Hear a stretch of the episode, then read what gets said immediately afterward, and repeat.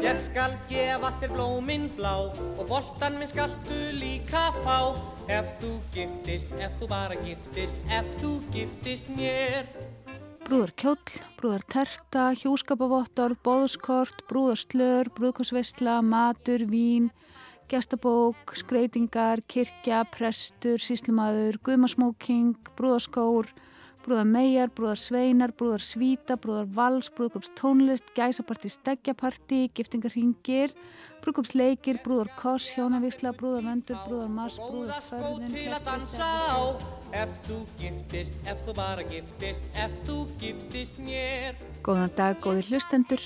Þetta er annar þáttur í þáttaröðinni Ef þú giftist, þáttaröð um hjónabandið.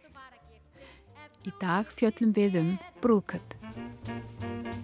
Í síðasta þætti myndist ég aðeins á það hvað mér þótti tilhugsunum að gifta mig mikið vesen. Og upptalningin í upphafið þáttar var kannski einhvers konar hilling á því veseni.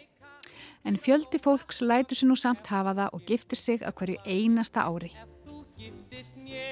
Hjónabandið er flókið fyrirbæri. Það hefur margar hliðar, hérna lögformlegu, hérna samfélagslegu og svo hérna tilfinningarlegu. Allt eru þetta mikilvægar hliðar og allar eru þar flæktar einhvern veginn hverja aðra. En þegar kemur að því að ganga í þetta hjónaband, þá er ástinn það sem virðist skilgreinaða frá öllum öðrum samböndum í lífinu. Ástinn er frum forsendan fyrir brúðkaupi og allt myndumál, tákn og hefðir ganga út á ástina. Það var þó ekkit endilega alltaf þannig. Hjónabandið hefst með hjónavíkslu eða giftingu.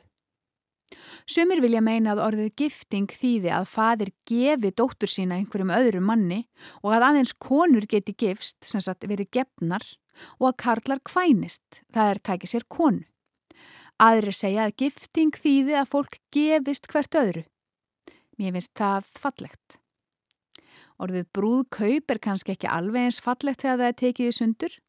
Það vísar til þess þegar verið varð að kaupa brúðina. Núna er það hins vegar brúðurinn sem kaupir og eða eitthvað er keift í hennar nafni. Mörg þeirra sem ganga í hjónaband vísa til hefðarinnar þegar spurt er af hverju þau vilji giftast eða hafi gifst. Er það ekki það sem það gerir?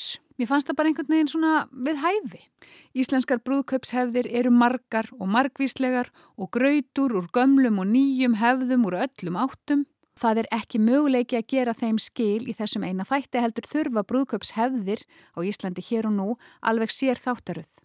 Kanski gerum við hana einhvern tíma setna. Hefðir varðandi hvena skal farið í fött, hver skal sjá hvern í hvaða föttum, hvernig farartæki skal aka til eða frá vikslu, hver skal výja og hvernig, hvaða tónlist verður og hvernig hún verður flutt og svo framvegis og svo framvegis og svo framvegis.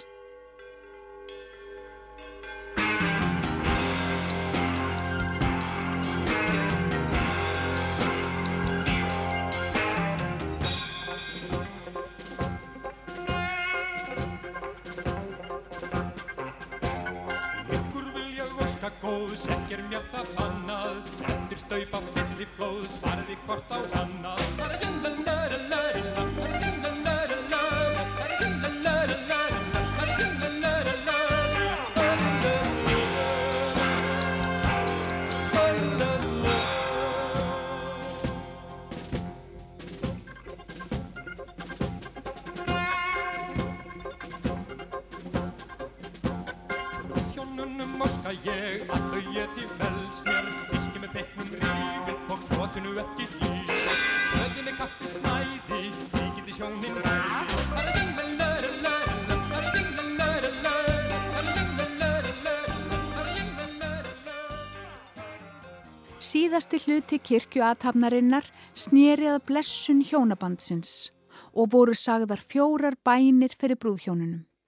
Fyrsta bænin fjallaði um upphaf hjónabands og að það hafi verið stopnað af Guði í paradís.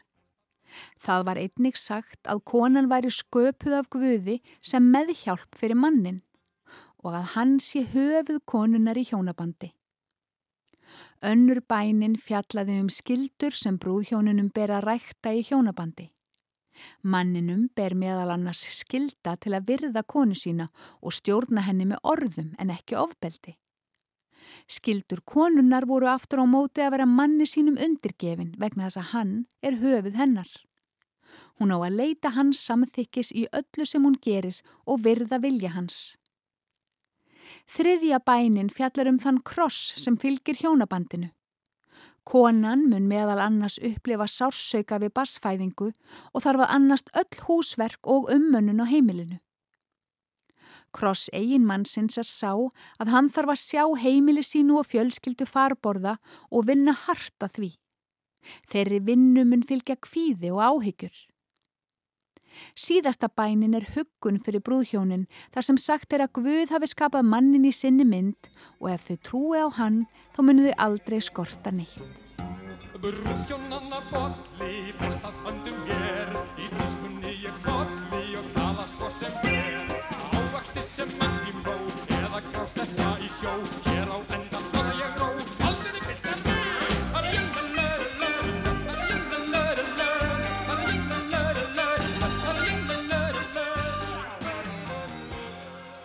Hér mátti heyra hvernig fólk var upplýst um skildur hjónabandsins við hjónavíkslur á 16. öld. Hjónabandið er, eins og marg oft hefur komið fram, einn mikilvægasti og flóknasti lögformlegi samningur sem flest fólk tekst á hendur. Og fyrra á öldum var litið á hjónavíksluna sem innsiklun þess samnings. Þess vegna þótti við hæfi við hjónavíksluna að fara eins yfir það hvað í honum fælist. Það þykir hins vegar ekki romantíst í dag að tala um sársauka við basfæðingar eða afkomu áhyggjur á brúðköpsdægin. Brúðköp dagsins í dag snúast ekki um neitt annað en að fagna ástinni. Og náttúrulega að halda gott parti. Erlendis týðkast að fá brúðköp skipuleggjanda til að framkvæma veisluhöldin. Hérlendis eru ekki margir brúðköp skipuleggjandur starfandi en mér tókst að krækja í einn þeirra og spyrja hann spjörnum úr. Going to the chapel and we're gonna get married. Going to the chapel and we're gonna get married. Ég bara get ekki ímynda mér neitt fallara en að fagna ástinni og ég gifti mig sjálfur og það er bara eitt skemmtilegasti dagur í lífið mínu. Að vera umkringdur vinnum sínum og finna þú veist ástina frá þeim og, og makaðinum og allt þetta. Og ég er ekki eins og giftur í dag en ég myndi aldrei vilja hann pening aftur eða, eða breyta þessari lífslenslu að gifta mig. Það er bara skemmtilegast sem ég hef gert sko. Hannes Sasi Pálsson hjá Pink Æsland. Segðu mér aðeins frá starfsemi Pink Æsland, hvað þið gerið og sérstaklega þá í brúðköpsbransanum. Uh, Brúköpin voru hérna, já, kannski smá slis hjá okkur eða svona óventur bónus. Við stopnum fyrirtækið 2011. Uh, fyrirtækið var í rauninni fyrst og fremst stopna á sínum tíma og ætlaði bara að vera hinsegin ferðarþjónusta, við ætlaðum að þjónusta hinsegin ferðamenn. En akkurat á þessum tíma þá, var, uh, þá voru samkynni hjónabönd lögleit á Íslandi, það er ekki lengra síðan. Og þannig að við buðum upp á það að fólk gæti gift sig og settum það á heimasíðuna og eitthvað svona. Og svo gerist það bara. Við fáum hérna par sem vil gifta sig, ámapar og við bara rættum öllu og, fundum út í hvernig pappi sínan virkaði og það allt í nóttu eitthvað markasefni og það er náttúrulega þótti það rosa flott og varðum að svona að væral fyrir sín tíma og upp úr því að þá byrjum við bara að bjóða upp að brúkup og, og í dag núna tíðan og til þess að gera mjög langa sögu, mjög stutta að þá er við fyrst og fremst brúkuskipulegendur. Tökum að okkur ferðaverkefni og, og einstakar svona, ja, svona viðbyrði og alls konar hluti þá kannski hópaferður og eitthvað þannig fyrir hins einn samfélagi en í dag erum við sjö brúkuskipulegendur í fulli starfi og skipulegjum yfirleitt yfir 100 brúkup ári. Og skipulegið líka brúðköp fyrir Íslandinga? Það gerist ekki mikið að Íslandingar hafi samband og það er bara kannski fullkomlega eðlilegt. Vissulega hafa einhverju samband að séð eitthvað að vilja fá það, svona brúkup eins og viðskipulegjum sem eru óhefbundin en Íslensk brúkup eru ofsa mikið heimagerðið í félagsheimilum og, og, og með hjálp stórfjölskyldunar og, og það er íslenska hefðin sem er mjög falleg en við erum kannski aðeins út fyrir bóksið og það er kannski dýrara og eitthvað svona en, en jú vissulega við fáum alltaf nokkur ári og það er ógislega gaman. Þeir Íslandingar sem að nýta sér þjónustekkar, eftir hverju leita þeir? Það er kannski fólk sem er aðeins svona eh, tilbúið til þess að hugsa út fyrir bóksið og Pink Iceland sem sagt er að mörguð af einhvers konar hérna ást og umhyggju og, og sterkum hinsegin gildum, þú veist, miklum feminisma og bara svona jafnræði og eitthvað svona. Og eitthvað gildi eru sterk og við stöndum fyrir eitthvað og, og, og dýrkum íslenska náttúru og erum, reynum að vera æsla sjálfbæra og eitthvað svona. Og þetta er kannski fólk sem að tengir sig svolítið inn í það langar til þess að vera svolítið æfindiragjötn og öðruvísi og skoða eitthvað nýtt og yfirleitt er þetta mjög aðdeklisvægt að við höfum verið að fá þá mm, kannski meira fólki sem er í, í ekki sínu fyrsta hjónabandi og eða fólk sem er ekki mjög ungt þegar það er að gifta sig þó það sé kannski að gifta sig í fyrsta skipti. Uh, þau íslensku hjón sem við höfum gift já hafa öll viljað kasta hefðinu út um gluggan þau vilja ekki gera þetta fyrir aðra heldur að leifa öðrum að vera með sér í sínum fögniði á sinni ást. Og það er samnefnarinn kannski í því, hjá þeim íslendingum sem að koma til okkar. Og nú er ég alls ekki að, að dissa félagsemilið og, og, og, hérna, og hefbundi brúkaup með þryggjar þetta setjandi kvöldverðið og aspasúpu, skilur þú veist og alls ekki og það er bara mjög gaman. En það er ákveðna væntingar sem við höfum til brúkaupa og það er væntingar snúast einhvern veginn um það að við þurfum að gefa öllum að borða og við þurfum að vera svolítið stressu með þetta og við þurfum að bjóða fulla frænda og, og, og þú veist sýstu tóttu friðnjar sem að engi þólir og allt þetta. Og það er bara svona kannski ekki alveg nógu gleðvaldandi og meira stressvaldandi og fólk er bara svona allt í húnu fattar bara að við erum að gera þetta fyrir all, allt annað en sjálf okkur. Og svo þegar það sest niður og hugsa með sér hvað viljum við gera? Og þá leita þetta lakkar og þá er þetta kannski búin að skipilegja heilt öðruvísi brúkup en bara það er ekki draumur þeirra Af því þú talaður um að fólk sem að kæmi til ykkar það hefði verið jafnvel á sínu öðru eða þriða hjónabandi og, og eða orðið eldra. Af hverju er það fólk að gifta sig? Það fólk er að gifta sig kannski á mörgum ástæðan. Þetta er bara svona skuldbytting sem er falleg og er góð og það er ógæslega gaman að gifta sig og það er ógæslega gaman að standa fyrir framann einhvern sem þú elskar og, og, og giftast viðkomandi og og svo er þetta líka praktíst og þú veist það má ekkert endilega gleyma því að þú veist fólk, fólk tekur praktískar ákvarðanir og, og hugsa bara með sér að þú veist við hefum börn eða veist, við hefum eh, líf saman og það er ágætt að kannski binda það formlega og löglega saman.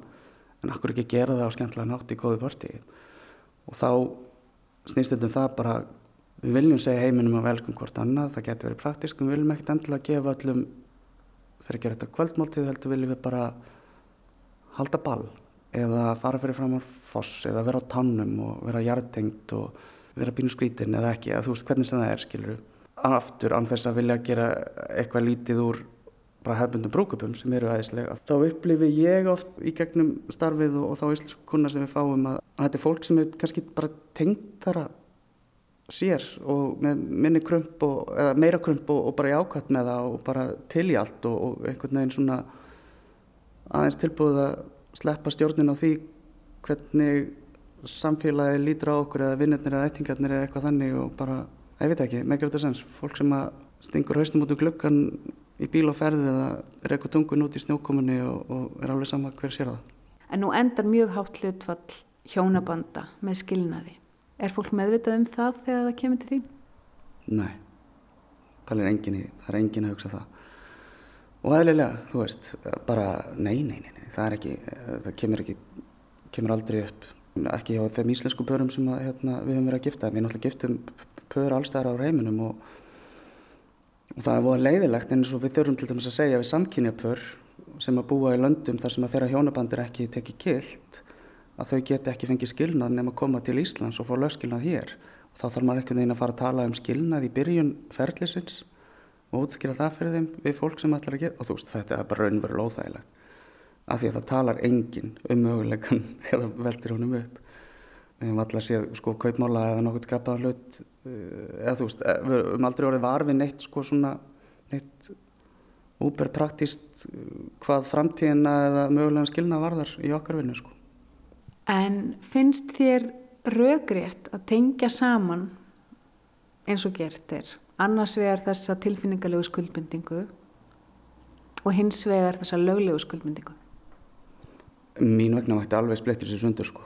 Þú veist, ég get alveg farið til lagfræðings og, og gert eitthvað þar til þess að ganga úr skuggum að fjárhásleg farseld hjóna sé frágenginn og, og í góðu lægi og allt sé eins og það á að vera. Mér finnst það bara null vandamál sko og svo bara halda einhvers konar hérna commitment ceremony, ég kann ekki alveg betra orðið verið það heldur en það að sem er þá einhvers konar bara mun andleri og svona hjarta meiri gjörningur sem að þarf ekkert að tengjast því að þú skrifir undir eitthvað og sendir eitthvað á síslumann. Finnst alveg óþarfi þannig að sé að blanda síslumann í málið sko. Það má bara, ég get alveg ímynda mér að í framtíðinni að þá hérna setja ég inn eitthvað eðublað í gegnum Ísland.is og, og, og hvitt undir mér afræðinu skilríkjum um, að, um hvernig ég vil haga eigum mínum og, og samskvættun og öðrum hlutum og svo leiti ég til einhvers vald sem að, eða ekki vald, eða bara humanista eða, eða press eða, eða, eða goða eða hvað sem það er til þess að í rauninni upplifa tenginguna við maka minn. Ég tengi í rauninni ekki, ég tengi ekki endilega brúkup við löglega gjörningin sem að er falin í honum sko. Samt er ég alltaf að vinna í ykkur papsinu, en ég pæla ekkert í því, ég er alltaf bara að pæli hvað er þið að segja, hvernig líður þeim, hvað er þið að gera nákvæmlega saman með mér sko. það er það besta við þetta. Hitt er bara þetta er frábær spurning. Ég bara akkur splitt mér sem bara upp? Búum bara til eðublá á Ísland.is og málið dött og, og, og svo fyrir við að giftum okkur hjá hvernig sem við viljum og gerum gott partí Já, eða ekki. Eða ekki, við þurfum ekki að hafa partí. Við getum líka bara verið berfætt upp í sveit og, og sást elsku hvort annað eða skrifaði að postut með það og hengt á ískapinn og þá vorum við gift. En svona fyrir mína vinnu að þá vil ég náttúrulega allir haldi gott partí og, og, og hérna tala við okkur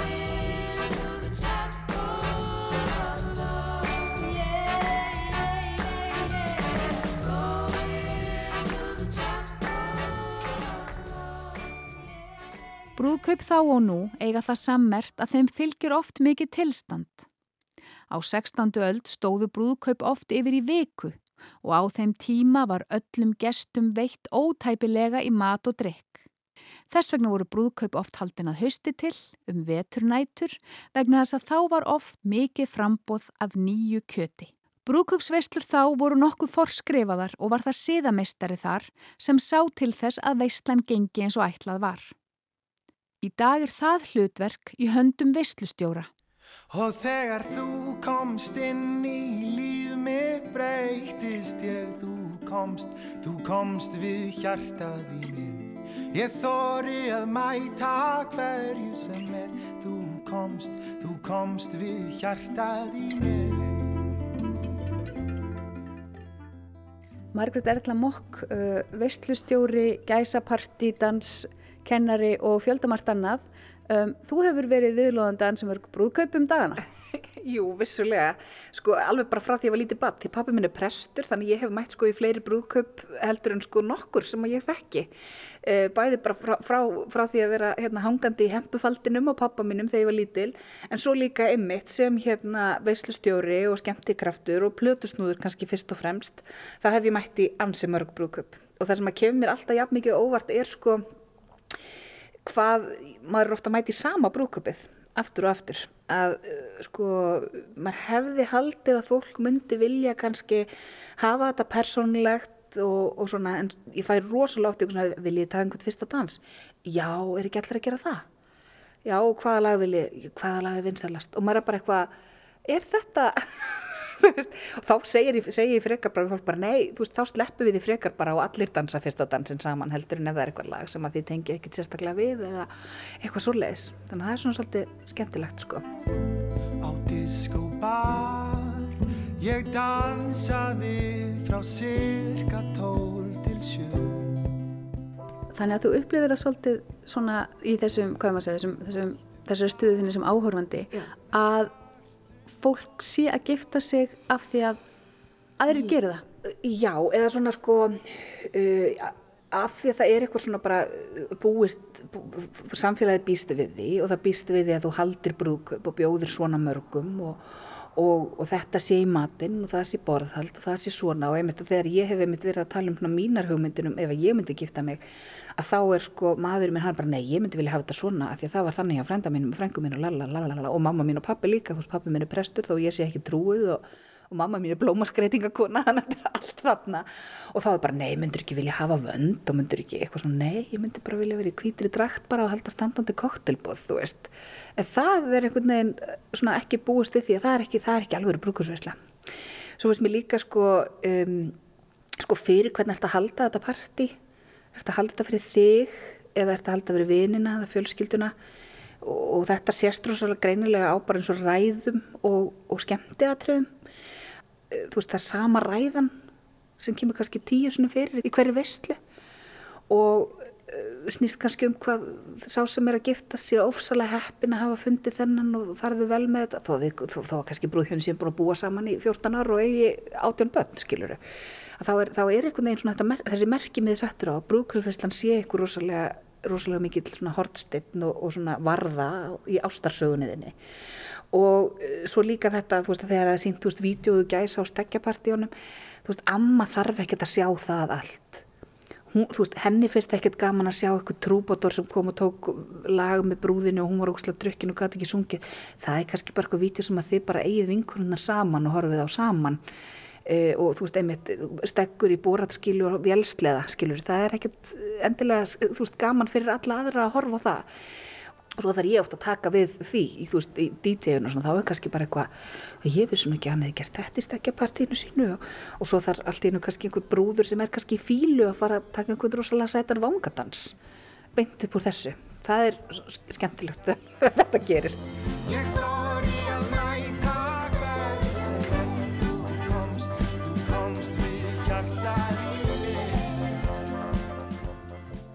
Þér hefur svona ekki sínst að fólk sé að gera einhvern einstakann dag um sína ást.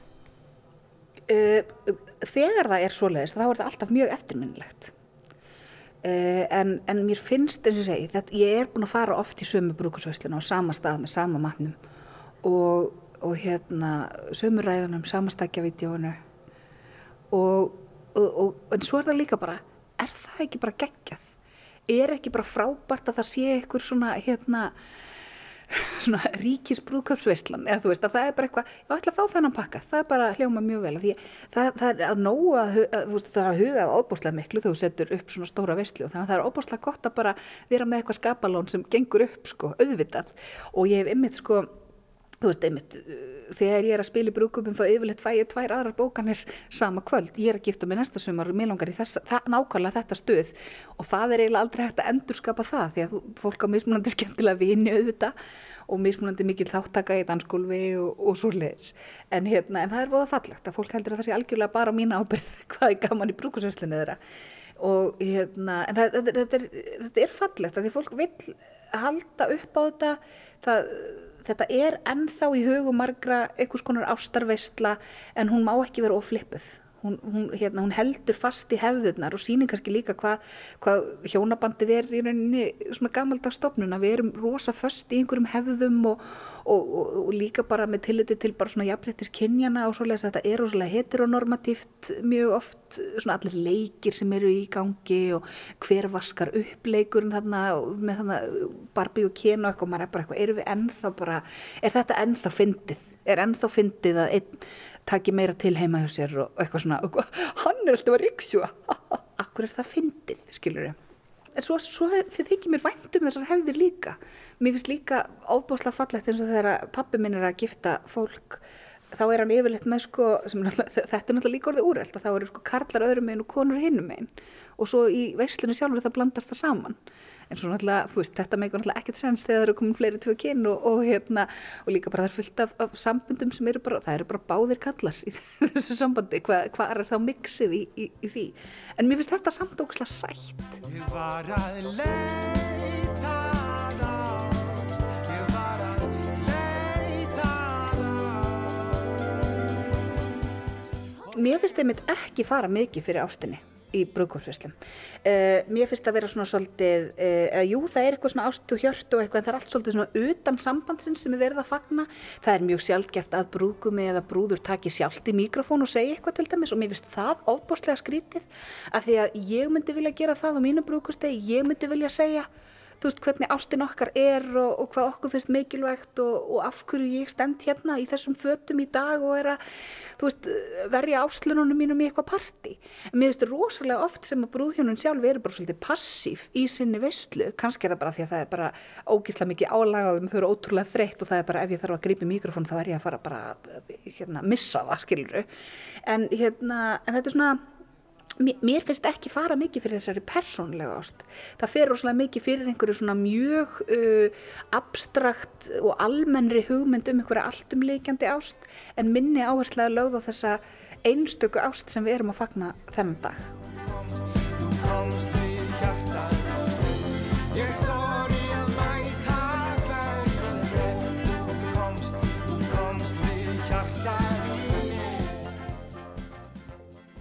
Lægið um hjörtun sem voru brostin en urðu snortin og eru nú heil vegna ástarinnar vinsalasta lægið í brúðkaupum um þessar myndir. Fólk má gifta sig eins og það vill á tánum út í mýri, inn á skrifstofu hjá síslumanni, diplomatur og ræðismenn hafa réttindi til að framkvæma hjónavíkslur og svo fulltrúar trúfélaga. Til skamstíma giftust lang flest í kirkju en það hlutfall er farið niður fyrir 50% samkvæmt tölum frá ágúst 2021. Kirkjubrúðkaup er þó svo tegund brúðkaup sem við hugsum flest um þegar við hugsum um brúðkaup.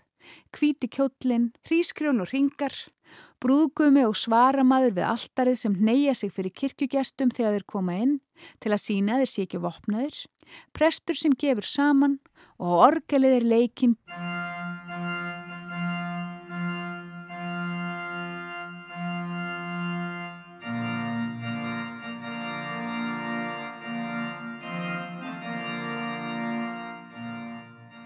Guðrún Karls Helgudóttir, eh, prestur í Gravarvogi. Þú hefur gefið saman ansi mörg hjón og já, búið til nokkur hjónabönd.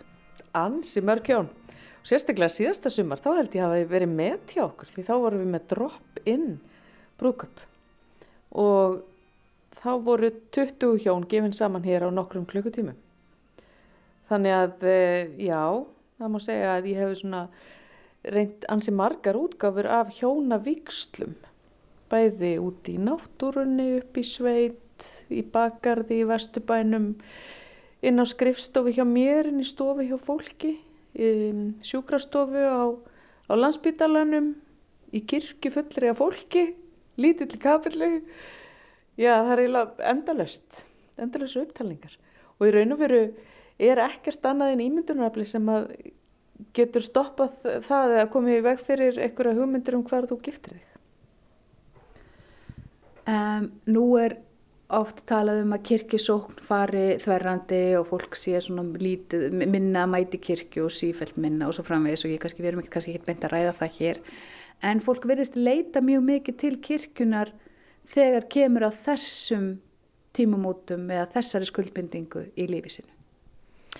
Það gerir það, það gerir það mjög mikið og um, kirkja náttúrulega býður upp á kannski svona ákveðin ramma í kringum hjónavíksluna, uh, fagurt um hverfi og, og kannski svona reynslu bara aldana og hefðir og mörgum þykir gott að halda í hefðir þegar kemur að hjónavíkslunni meðan, meðan aðri vilja það ekki. Og svo náttúrulega kannski svo vitt sem að kirkjan kemur með inn eða, eða, eða trúin kemur inn með til viðbótar er þá sko blessun og fyrirbæn. Það er raun og veru munurinn á borgarlegum og trúarlegum hjónvegslum. Það er blessun og bæn. Að öðru leiti er þetta sama aðtöfnin því að þetta er alltaf lögformlegu gjörningur. Alveg sama hvað. Þegar par leita til þín og, og byður um byður um hjónavíslu hvað, uh, hvað byðjaði um og hvað ræði þið? E, það sem að e, við ræðum eru er til að byrja með eru svona formlegi hluturinn að fólk þarf ákveðin vottorð og það þarf að ganga úr skuggum það að fólk sé, sé megi ganga í hjónaband og það sé þá ekki, það sé engar hindranir í veginum svo sem að fólk sé gift öðrum til dæmis og það þarf að ganga skuggum allt þetta tímanlega því að það hefur alveg komið fyrir að fólk til dæmis heldur að það sé skilið en, en kemur svo í ljósað að það var aldrei búið að ganga frá pappirónum. Þannig að þetta þarf alltaf að vera hreinu. Eh, en svo ræð við eh, svona í viðtali, viðtali fyrir, fyrir brúköpið þá ræðu við uh, aðtöfna sjálfa hvernig hún fer fram og uh, hva, hvernig fólk vill að hún fari fram því að það er hægt að gera svo margt og það þarf ekki að gera alla hluti eins svo er líka rætt um hvers vegna hvers vegna fólk vil giftast hvort öðru og það er náttúrulega stóri hlutin og það er kannski það sem að til dæmis ræðan snýst að miklu leiti um sem að ég fer með til brúðhjónuna hún er um það hvers vegna þau eru að giftast hvort öðru. Og hvaða svör gefur fólk við þeirri spurningu? Þau eru svo sem ólík en, en þó ekki vegna þess að fyrst og fremst er náttúrulega ástæðan yfirleitt alltaf svo að fólk elskar hvort annað. Það hefur góða reynsli af því að vera með hvort öðru, það ber virðingu fyrir hvort öðru og það er svona kannski þessi hlutir sem að skipta mestu máli. Það er, það er virðingin og ástinn og fólk hafi gaman að því að vera saman og til dæmis þegar fólk er búið að eignast börn og vera saman í svolítið tíma þá er komin, komin ágættis reynsla á þetta. Það er kannski bara allt í læg Já, þannig að, þannig að þú ert ekkert endilega hlind því að fólk sé að gifta sig áður en að eignast börn eða áður en að Nei, ég held að sé aðalatrið þetta með sko hvað sé það er ekkert að vera að gifta svo margan hátt sko og, og þó svo fólk sé kannski ekki búið að sko ganga frá þessu lögformlega eða, já, eða formlega bænublessun að e, þá er fólk sem á börn saman og er búið að búa saman það er náttúrulega í raun að vera gift í einhverjum skilningi. En aftur á móti þá held ég að sé mjög mikilvægt eða ég veit bara það er mjög mikilvægt að fólk gifti sig. Ef að það ætlar sér að deila saman bæði já, lífi borði sæng, börnum, fjárhag og öllu þessu vegna þess að það bara kemur sér vel síðar, skiptir máli ef eitthvað kemur upp á. Og uh, romantík, skiptir hún máli í kirkjubrúðköpi? Já, það er nú alltaf romantík með í kirkjubrúðköpi og þar kannski kemur líka svolítið hefðininn að það er mjög gjarnan að það fer eitthvað í gang þegar við heyrum já til dæmis brúðamarsinn spilaðan á kirkjórgel og brúðurinn eða, eða brúðhjónin saman ganga inn kirkjugólfi það er eitthvað við það. Og þetta aðtöfnin náttúrulega öll auðvitað er ekki allir sem eru með akkurat þennan brúðamars en eh, aðtöfnin all gengur náttúrulega svolítið út á að endurspegla romantíkina tónlistin sem er valinn orðin sem að brúðhjónin segja við hvort annað. Og ég verði að segja sko lengi vel að fannst mér hjóna vikslu svolítil erfiða ratafnir vegna þess að hlutverk sko pressins er svolítið flókið í þessari ratafn við erum að vera helst rosa skemmtileg en samt ekki of og svona fólk er með svolítið óljósar kannski hugmyndir um það hvernig við erum að vera og hvernig þetta alltaf vera Nei, svo komst ég að því eftir svolítið tíma að þetta er þakklátasta aðtöp sem hægt er að vera með vegna þess að í, í hjónavíkslu þá er full kirkja fólki sem er glatt og ánægt og er þarna til að hafa gaman því þetta er svo skemmtilegt. Og það er nánast alveg sama hvernig þetta er, það er allir svo gladir þannig að núna finnst mér þetta eiginlega skemmtilegast aðtöpni sem ég framkvæmi Verður þú verið með einhvers konar tískusveiflur? Mm, það er kannski aðalega í tónlistinni. Það er svona tískusveiflur þar. Það er ákveðin lög sem eru vinsæl. Það er ákveðin tónlistafólk sem er, sem er notað aftur og aftur. En nei, annars eiginlega ekki. Ekkert sem kemur sjálfur í aðtöfninu við, myndi ég segja.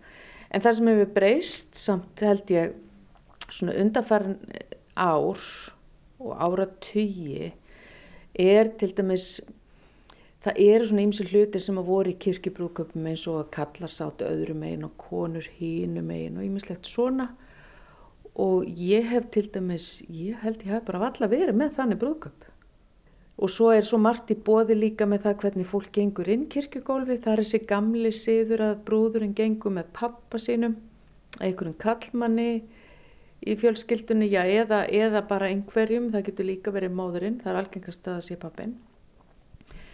Þetta er svolítið að breytast og það er til svona ymsar útgáfur af þessu. Til dæmis að oft þá er farin þessi fallegi millivegur að brúðurinn gengur með pappa sínum en svo þau koma að e, kórnum þar sem þau sitja þá kemur brúðguminn til mótsvegan og þau sitja saman í aðtöfninni það svona táknar það að, að þau eru saman nú þegar ekki bara eftir hjónavíkslera og svo stundum ganga þau saman inn og einstaklega þá gengur brúðurinn einin sumar vilja bara fá alla aðtöklina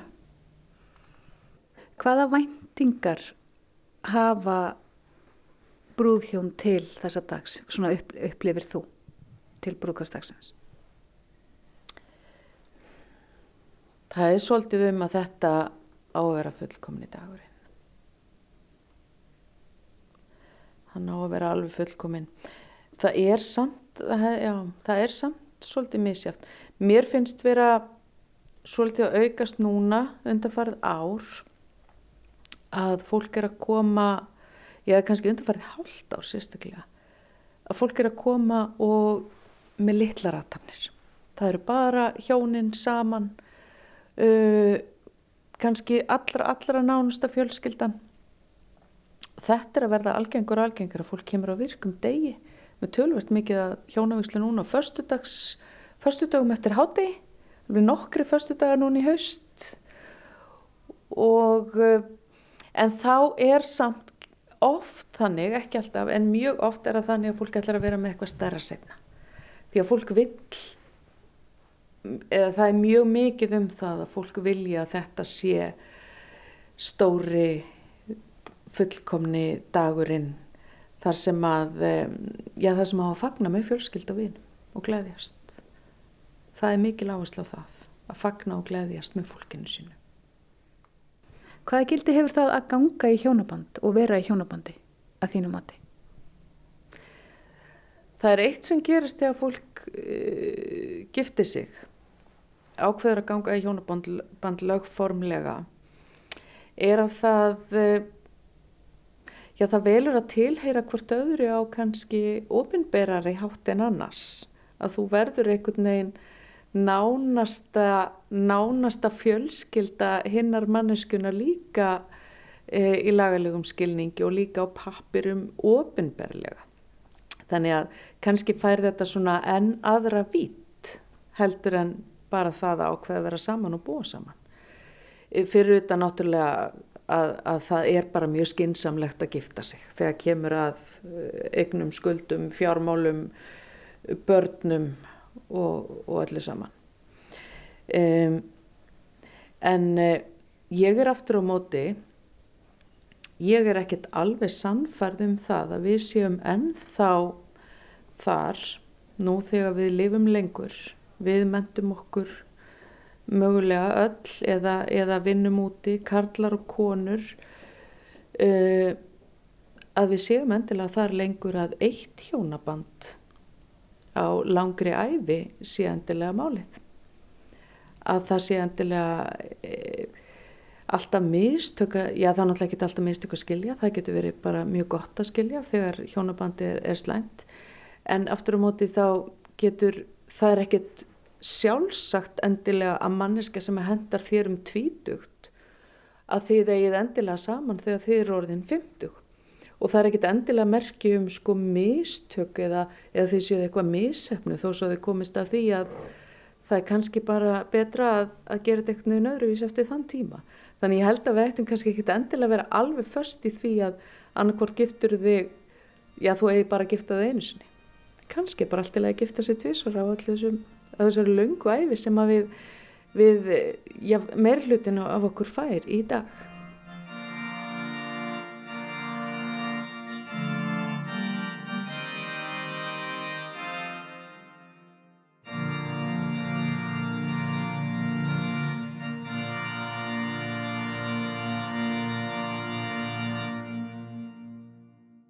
Já, æfin er laung og það er kannski ekkit óæðilegt að ganga í hjónaband oftar en einu sinni á þeirri æfi. Það má líka giftast sama aðilanum tvísvar ef svo ber undir. Það gerði einn mitt hjón þáttarins Gunnar Guðbjörnsson og Óluf Breiðfjörð.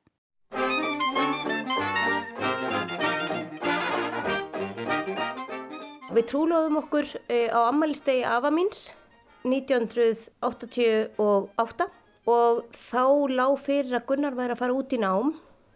Við vorum ekki búin að ákveða að ég færi með honum en það var ég bara 17 ára. En okkur fannst svona mikilvægt að þarna væri við svona svolítið innsiklað að við ætluðum að vera saman. Þess að það lág fyrir að hann væri að fara í burt. Þannig að, að giftingin síðan sumari 91 kom alveg svona í beinu framhaldi og það var aldrei neitt vafi okkar huga. Þetta var leiðin sem við vildum fara. Við vorum að fara að flytja til Þýskaland sem vorum búin að búa saman hérna í nokkur ár og uh, það einhvern veginn var þá alveg svo í dag einhvern veginn svo eðlilegt að vera erlendis og vera, vera giftur. Þó við bærum ekki sama nafn að þá einhvern veginn var meira mark tekið á manni kannski. Við vorum að hleyta til Þýskaland sem við vissum alveg að það var svona margt sem var miklu auðveldara fyrir okkur í svona bara allir framkvæmt ef við verðum gift. Þannig að það er kannski líka það sem svona ítt okkur svolítið á stað að kannski framkvæmdi þetta þá á þessum tíma. En ég held að þetta nú svo samtur eitthvað sem hefði gerst hjá okkur hvort heldur sem er sko. Aldrei neitt stoppa okkur í því að gifta okkur. Akkur ekki? Af því að maður er kannski bara svona svolítið bundin í hefðinar og, og fannst einhvern veginn að einmitt þetta manifestum það að ætla að vera saman alltaf að það ætti einhvern veginn að, að, svona, að, að gefa það sem einhvers konar yfirlýsing út í samfélagið. Ég held að það sé svona þannig sem ég líður allavega með það. Og nú veist, þegar fólk veit bara að það ætla að vera saman þá, þá byrlaði einhvern tíman fagna því og þú fagnar því náttúrulega best með fólkinu sem þú sem þið ekki vettum bjóða til veislu og vinum og, og fjölskyldu. Mér fannst líka skipta rosalega miklu máli á þessum tíma. Ég hugsi myndi gera það öðruvísi ef við hefðum ekki gift okkur fyrir 30 árum og værum að gifta okkur í fyrsta sinn núna í sömar síðasta að þá uh, held ég að ég myndi ekki nenna endilega öllu þessu umstangi. Ég myndi hafa kannski bara meira fjör og, og parti en þarna fórum við alla leið með að Gunnar var í splunkunni um kjólfötum, ég var í sér sömuðum e, silki, brúðakjól, skotnir, sér innfluttir frá Fraklandi, bara allt, allur pakkin sko. Þannig að ég myndi ekki endilega nenna því í dag. Þið ákvaða endur nýja heitin og þá spyr ég aftur af hverju? Uh, það er svona kannski, ég veit ekki, það var Ólu sem kom með hugum til að myndi gera þetta. Uh, eitthvað svona bara til þess að líka aftur að, að staðfesta kannski við þau sem eru okkur á og núna er spötnin okkar og, og, og, og nýja fólki sem er að koma í kringum okkur. Að þetta hjónaband það sé ákveðin stopnum sem við viljum bara svolítið halda á lofti. Og svona kjöri tækifæri er mitt til þess að gera aftur einhvern veginn svona ná aftur sama fólki sem við höfum verið við þá hvort það svolítið atriði líka. Og halda partí eins og náttúrulega fór það alls saman einhvern COVID-rugl. Því miður það hefði verið gaman eða verið meira svona hægt að gera með það en, en í staðin þá bara áttu við endislegustu stund sem að bara átt lengi og bara yfirleitt. E, með fjölskyldun okkar hérna á pallinu mínu fyrir utan húsið í fallegasta degi ársins kannski bara ágæti staðfesting frá, frá aðeins matavöldum með það að við sem höfum verið að gera rétt með því að gera þetta. Um, 30 ár er mjög langu tími og þið voru mjög ung þegar þið tóku saman. Hafið einhvern veginn huglitt það að, að, að skilja? Ég held að aldrei allavega í neitt í sérstakri alvöru en það hafði þetta komið upp mál.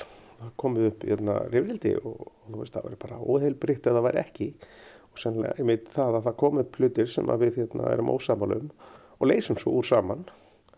Og, hérna, og ég held það að það er eitthvað í þessu hjónabandi, það er eitthvað þar sem að, hérna, segir við okkur hérna, því þið eiginlega sömduð um það á þessum degi að, að þið myndu hérna, takast á vandamálinn saman. Og þá svona veist, að þýleitun er það þegar maður tekur einhvern einn dag sem að maður helgar sér þessu, þessari aðtöfn og, og skrifar það svona svolítið undir einhvers, svona, einhvers konar sáttmála við makan sinn um það að, hérna, að við munum ekki flýja af holmi, við munum, við munum takast á við það. Við erum að fara að eigna spöld saman og ef það komur vandamál hjá börnunum þá þurfum við að vera saman í því að, að leysa úr því og ég held að því leitinu þá svona, maður tekur það kannski aðeins alveglar það sem maður verður að gera en auðvitað, það er ekki hægt að fara genið 30 áraður þessu móment það sem að koma befasendur og, og erfileikar. Mm. Það verður bara stórförðulegt fólk að mann tekist það. Auðvitað koma upp e, á 30 árum alls konar hlutir en ég held að sé ekki síst út af því að okkur hefur gengið svo vel að leysa úr okkar þeim hnökur sem hafa komið upp á við ákveðum að stíða þetta skref í sumar að, að endur nýja heitin að því að ég hefði fyrir 30 árum aldrei geta ímynda mér að ég er því svona ánaði hjónabandi að ég er því svona glöð dagstælega eða með þessu manni hérna, hún er Gunnari þannig að mér fannst til dæmis það bara, því bara að fagna en, og ekki síður bara hafa komist í gegnum þessi 30 ár og, og list alltaf úr öllum uh, öllum hnökrum. Og mér fannst líka skipta mjög miklu máli þá og því ég uppgöttaði það reyni bara í sumar þegar við endur nýðum heitin hvað þetta skipti öllum strákan okkar miklu máli, hvað þeim fannst þetta ofsalega hátilagt og, og ekki síst nýgifta uh, nýgifti elsti sonur okkar og tengdadóttir. Og þau öllum skiptu svo ekki kirkju og fyrir þeim var þetta auðvitað hérna staðfyrsting á, á ástinni en við vorum lengi búin að tala um hvað skipti miklu máli því þau búið erlendis að vera með allt á hreinu varðandi hérna lögur reglur og hvað væri miklu praktískar að vera giftur. En ég held vonandi að enginn sé að fara að gifta sig út af því bara en, en það auðvitað spilar alveg inni hjá fólki samt bæði dag og þá eins og Gunnar saði hérna þegar við giftum okkur líka. En nú af því þið töluðum að þið værið í hefðunum fóruð þið inn í hefðirnar sambandi við bónorð, fórst á skelljarnar, Gunnar? Nei, nei, nei, nei, þetta var ekki þannig. Nei, nei. Það var eitthvað, ég veit ekki eða svona, ég mæn ekki svona eftir mómentur við höfum ákveðið þetta, bara, þetta var bara ákveðið einhvern tíma, sko. Jú, sko, við náttúrulega byrjuðum á því að trúla okkur og það var rosa serimónia, skal ég segja þess. Þá vorum við búin að fara og velja okkur synga hjá Gullsmið sem var ótengdur fjölskyldinu þannig að enginn myndi vita þetta og við trúróðum okkar fyrir framann hérna hljómskálan eða hljómskálagarði og fórum svo út að borða við tvö og komum svo heim til mamma og pappa með, með ringana. Sko ég held að, að hérna, ástinn sem að við eigum þegar við erum 20 eða 25 ára hún er auðvitað svona full af einhverjum svona hormónum og, og, og, og látum og fjöri og skotin og allt þetta. Það breytist auðvitað allt svolítið með árunum. Það breytist með börnunum, breytist, það veldur svona samílegt hérna, verkefni að eignast börnin sín og alla þau upp. Og svo eignast maður batnabann, þá, þá, sko, þá dýfkar þessi ást líka millir milli hjóna og, hérna, og það svona breytast talsett, sko einstaklingarnir eins og þú sagðir áðan breytast ansi mikið á þessum 30, 35, 40 árum eða hvað sem þeir eru saman. Þannig að sko ástin breytist auðvitað svona svolítið, hún er auðvitað ekkit eins og þegar við vorum hérna bara réttum í kringum tvítugt. Uh, ástin í dag er, er, er mjög ástriðufull það er mjög gott samband og það er, það er alveg mjög mikil ást og alveg fjör og allt skilur líka. Þannig að veist, það er ekki tekið í burtu en það er allt annars eðlis. Og það er mjög erfitt að kannski endilega orða það hvað í rauninni sko hvaða er sem breytist en það er náttúrulega alveg gríðarlega mikið á upplifunum saman. Öll þessi samsafnaða reynsla í áratögi hún auðvitað mótar fólkið saman og það er kannski líka það sem við náðum að gera og höfum, höfum, sem við finnst kannski og það kann nú alltaf ólu mest verið það það er það að ræða svo alltaf þessi mál og fara svolítið svona ofan í sögumanaðum aftur eftir á. Og ég held að það sé það uh, stór hluta því að, að við erum eða svona ástofngin. Við erum ekki, sko, við, við erum ekki, ekkert búin að vaksi sundur. Við höfum miklu meira að vaksi saman. Okkur gæfa var svo að við höfum sumu áhugamál, sumu músík. Þannig að við byrjuðum í rauninni eh, á, á því sama leveli, þú veist, með sömu, sömu áhugamálin úr, úr sama grunn ykkur neginn. E, það hefði alveg geta komið upp á hjá okkur að því að þegar að leið á okkar samband, þegar við vorum ánum gift og, og farin einhverja spöld, að það voru við ekki í apningar. Ég var heima með börnin í að, að sjá um heimilið og Gunnar var stjarnan sem var alltaf í burtu.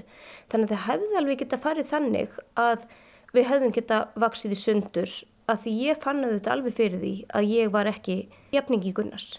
En sem betur fer og þá fyrir tilstilli Gunnars að því Gunnar var alltaf meðvitaður um það að hann væri góðurinn sem hefði rifið mitt til útlanda og, og hérna e, í rauninni væri það kannski pínu honum að kenna þó að ég, ég segi ekki segja það en honum hefði hefði alveg geta liðið þannig að það hefði verið aðeins honum að kenna að ég var rifin úr námi og ég hefði ekki sömu möguleikar og hann en þegar við flytum til Íslands þá fekk ég alla þessa möguleika að fara í háskólanám e, e, finna mig og þá hefði það alveg geta gerst að ég sem einstaklingur hefði fundið mig á eitthvað nýjan hátt og það hefði ekki, Gunnar hefði ekki fitta þar inn í.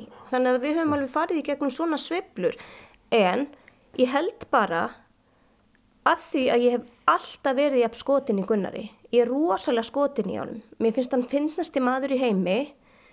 E, ég get alltaf hleyið með honum og við veitum eftir langan á erfiðan dag þar sem að hafa verið alls konar gengið á að þá bara er hei, ef að hafa kósi í kvöld, fá okkur te og hafa kósi.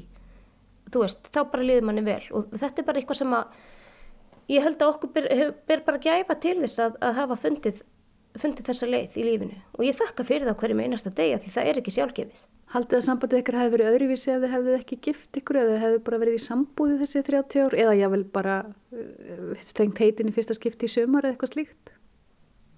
Sjálfum sér ekki ekkert svo ólíkt sko. Maður getur aldrei sagt um það en, en ég held að þessi áður sko þessi, þessi upphafspunktur sem við settum þar á einhverju, það svona gefur okkur svona ákveðin svona ákveðna mælistyku, það er bara þetta með, veist, með þetta brúðköpið, silkibrúðköpið og hvað, hvað þetta heitir allt silfubrúðköpið og gullbrúðköpið og, og allt þetta sem er, að, að það svona, það gefur alltaf tilefni til að taka svolítið stöðun á hverjum stað að því maður átti þarna einhvern tíman einhvern dag sem maður tilingað, sem maður gleðst yfir þessum degi, maður byrti bindin á Facebook þar sem maður segir, já, það er 30 ári í dag, skilur að það er, það er svona svolítið stór, hérna, stór hluti. Já, ég held að sé ekki sísti mitt út af því að, að geta fagna þessum, þessum giftingadegi manns á hverju ári sem það skiptir okkur máli. En ég veit ekkert hvort að sambandið okkar hefði orðið öðruvísi, hefðu við ekki gift okkur. Þá varum við kannski bara svolítið aðrar týpur. Ég er allavega glöð að hafa átt þessa minningu í 30 ár og fagna því alltaf á hverju einasta ári að eitt ári viðbúti liði frá því að við, við giftum okkur. Mér finnst það fallegt.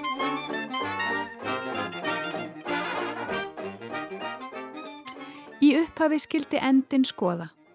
Það kom fram í síðasta þætti að helsta lögfræðilega ástæðin fyrir því að ganga í hjónaband væri til þess að koma í vekk fyrir flækjur og erfiðleika ef til skilnaðar kæmi. Í næsta þætti ætlum við að fjalla um skilnaði.